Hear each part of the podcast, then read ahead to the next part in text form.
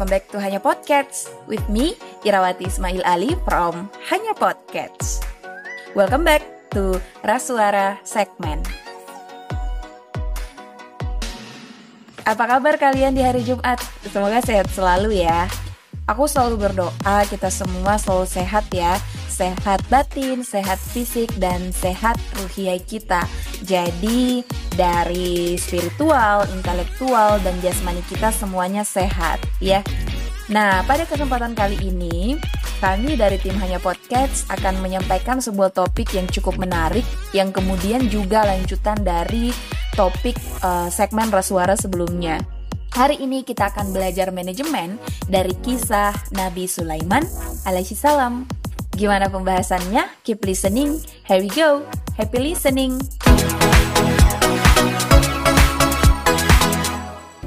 Nabi Sulaiman alaihi salam banyak sekali dikisahkan di beberapa surah dalam Al-Quran. Namun pada bahasan kali ini, kami akan mengambil satu surah saja ya teman-teman, yaitu Quran Surah An-Naml ayat 20 sampai 44. Ayat ini mengisahkan tentang Raja Sulaiman alaihi salam dan Ratu Balkis. Dalam Quran Surah An-Naml ayat 26 sampai ayat 24 ini kemudian menceritakan kisah yang sangat luar biasa. Yang mana kita ketahui bersama bahwa Al-Quran adalah mukjizat yang bisa menggambarkan peristiwa-peristiwa terdahulu. Seperti peristiwa kehidupan Nabi Sulaiman sebagai nabi dan sebagai raja yang mampu memerintah burung, mampu memerintah angin, mampu memahami bahasa binatang, dan mampu memerintah jin. Bahkan yang membuat singgasana Nabi Sulaiman adalah jin. Maka dalam kisahnya, ketika burung Hud menyampaikan surah Nabi Sulaiman, Ratu Balkis langsung tercengang. Kata Ratu Balkis, selama ini kalau ada raja yang datang menyampaikan utusan, selalu berupa orang atau pasukan. Tetapi Kali ini berupa burung hut yang menyampaikannya. Hebat sekali Raja Sulaiman ini, kata Ratu Balkis. Banyak sekali pembelajaran berharga yang bisa diambil dari sisi manajemen dalam kisah Nabi Sulaiman. Di antaranya, yang pertama adalah pentingnya pengawasan atau controlling. Nabi Sulaiman begitu tahu bahwa pasukannya berbaris beliau langsung memeriksa. Ketika sampai pada pasukan burung, beliau tidak melihat Hud. Di sini terlihat bahwa Nabi Sulaiman alaihissalam tahu benar bahwa pengawasan sangat penting. Tujuan pengawasan adalah agar tidak terjadi kesalahan. Dan ketika itu Nabi Sulaiman alaihissalam mengatakan bahwa burung Hud akan dihukum karena pelanggarannya, yaitu tidak disiplin kecuali ada alasan yang kuat. Landasan pengawasan Nabi Sulaiman adalah marhamah atau kasih sayang. Maka, ketika seorang pemimpin hendak melakukan pengawasan, hendaknya dilandasi dengan kasih sayang. Bila pemimpin memberikan kasih sayang kepada anak buah, maka anak buah akan membalas kasih sayang kepada pemimpinnya dan memberikan semangat kerja tentunya. Jadi, pengawasan itu harus dilandasi dengan marhamah atau kasih sayang. Pembelajaran manajemen kedua adalah kita harus berhati-hati dalam memberikan sanksi. Nabi Sulaiman alaihissalam tidak langsung memberikan hukuman, tetapi menanyakan terlebih dahulu apa alasannya. Kenapa burung hut terlambat hadir? Harus dilihat apa yang sebenarnya terjadi. Contoh, di sebuah perusahaan sekuritas ada salah seorang anak buah yang salah dalam input komputer. Tentunya karena ada kesalahan, ya harus dihukum. Kesalahan tidak boleh dibiarkan, tetapi yang lebih baik adalah terlebih dahulu kita cari tahu kenapa kesalahan itu bisa terjadi dan harus dicek apakah ketika terjadi kesalahan anak buah tersebut dalam keadaan sehat atau dalam keadaan sakit. Dan ternyata dalam kisah ini anak buah itu sedang sakit, tetapi memaksakan dirinya untuk bekerja dengan alasan ia tidak ingin perusahaan itu bangkrut hanya karena ia tidak masuk kerja. Berarti ia seorang pegawai yang sangat loyal kepada perusahaan. Walaupun dalam keadaan sakit, ia tetap masuk kerja. Meskipun ternyata ada yang tidak ia duga bahwa uh, pada akhirnya karena dia kurang berkonsentrasi membuat dia membuat sebuah kesalahan. Nah, dalam kasus semacam ini, maka pimpinan boleh saja membuat suatu kebijaksanaan bahwa bila seorang karyawan sedang sakit dilarang untuk masuk kerja. Kenapa? Karena risiko yang ia perbuat karena sakit lebih berat dibandingkan kalau ia tidak masuk karena sakit. Pimpinan bisa membuat suatu pertimbangan yang jelih dan membuat aturan yang baik tentunya. Nah, pembelajaran manajemen yang ketiga dari kisah Nabi Sulaiman ini adalah kebiasaan memeriksa kebenaran sebuah data atau sebuah laporan. Nabi Sulaiman tidak percaya bahwa Nabi Sulaiman tidak percaya begitu saja atas laporan burung Hud bahwa adanya negeri Sabah yang dipimpin oleh Ratu Balkis. Untuk mengecek kebenaran laporan itu, maka beliau lalu mengutus burung hut-hut yang membawa surah yang ditunjukkan kepada Ratu Balkis agar ia masuk Islam. Dan ternyata benar apa yang dilaporkan oleh burung hut-hut itu.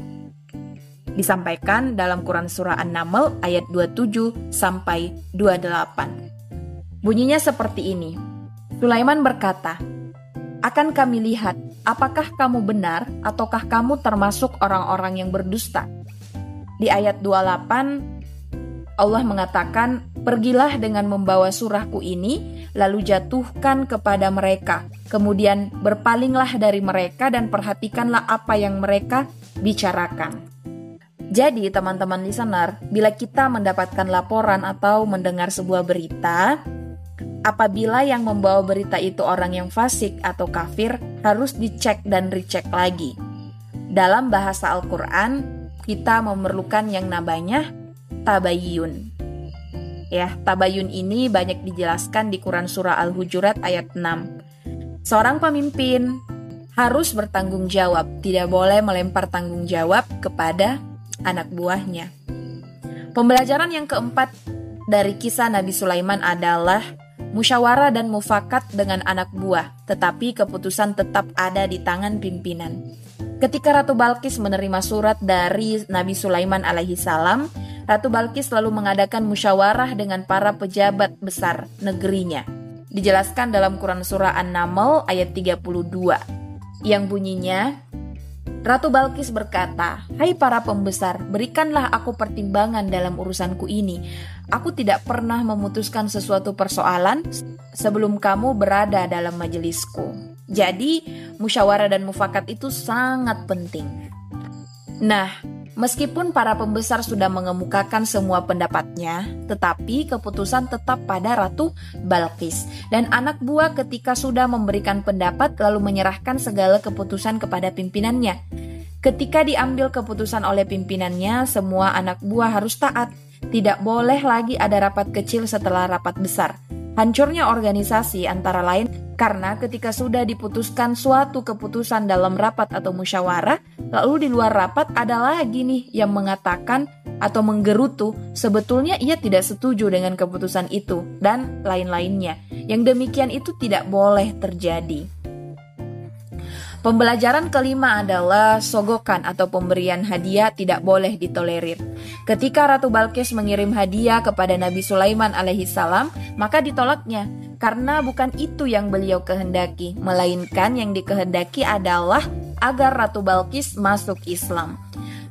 Pelajarannya bahwa orang yang tidak mau disogok diberi hadiah sebetulnya ia memiliki sifat nabi karena kebenaran tidak bisa ditukar dengan harta. Nabi Sulaiman alaihi salam tidak menolerir adanya hadiah. Maka dalam kisah tersebut Nabi Sulaiman alaihi salam menyuruh mengembalikan hadiah dari Ratu Balqis. Pembelajaran yang keenam adalah iman yang kuat dapat mengalahkan jin atau ifrit. Ifrit adalah jin yang paling kuat. Ia mampu memindahkan istana Ratu Balkis ke hadapan Raja Sulaiman sebelum beliau bangkit dari tempat duduknya. Dalam tafsir diceritakan bahwa kebiasaan Nabi Sulaiman alaihi salam duduk dari pagi dan bangkit dari duduknya menjelang tengah hari. Maksudnya, jin Ifrit ini mampu memindahkan singgasana Ratu Balkis dalam waktu setengah hari ke hadapan Nabi Sulaiman alaihi salam. Tetapi ada yang lebih kuat dibandingkan Ifrit, ialah orang yang mempunyai ilmu. Yang dimaksud orang yang punya ilmu dalam tafsir dijelaskan bahwa namanya Asif bin Barkhiyah. Ia mampu memindahkan istana Balkis dalam sekejap mata. Maknanya orang yang ilmunya tinggi dan tawakal kepada Allah ia meminta kepada Allah Subhanahu wa taala langsung diberikan. Dalam hal ini memindahkan singgasana Ratu Balkis dalam sekejap mata. Hakikatnya Allah Subhanahu wa taala yang memindahkan singgasana Ratu Balkis itu. Maka bila seseorang itu bertawakal kepada Allah, maka tidak ada batasan lagi antara orang tersebut dengan Allah. Dalam keseharian saat ini misalnya di tempat kerja atau kantor orang terlalu mengandalkan strategi. Sudah dibuat manajemen strategi yang mantap, perencanaan konsep yang bagus. Lalu ia yakin dengan itu tetapi tawakal tetap harus dipegang. Setinggi apa pun pangkat dan jabatan, jangan pernah merasa sombong. Di mana Nabi Sulaiman alaihi salam yang juga seorang raja, kaya raya, tetapi beliau tetap rendah hati.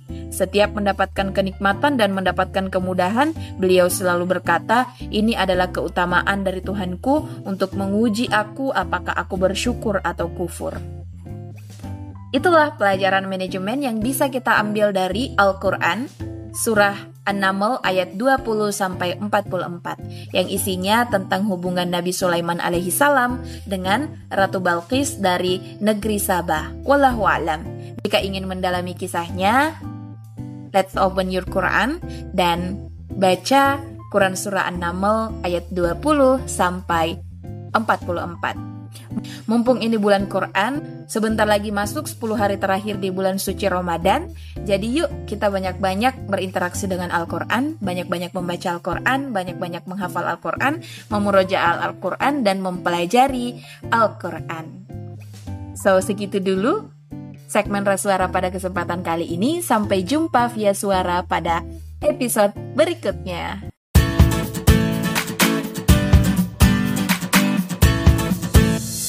Terima kasih telah mendengarkan. Selamat menjalankan ibadah puasa. Assalamualaikum warahmatullahi wabarakatuh.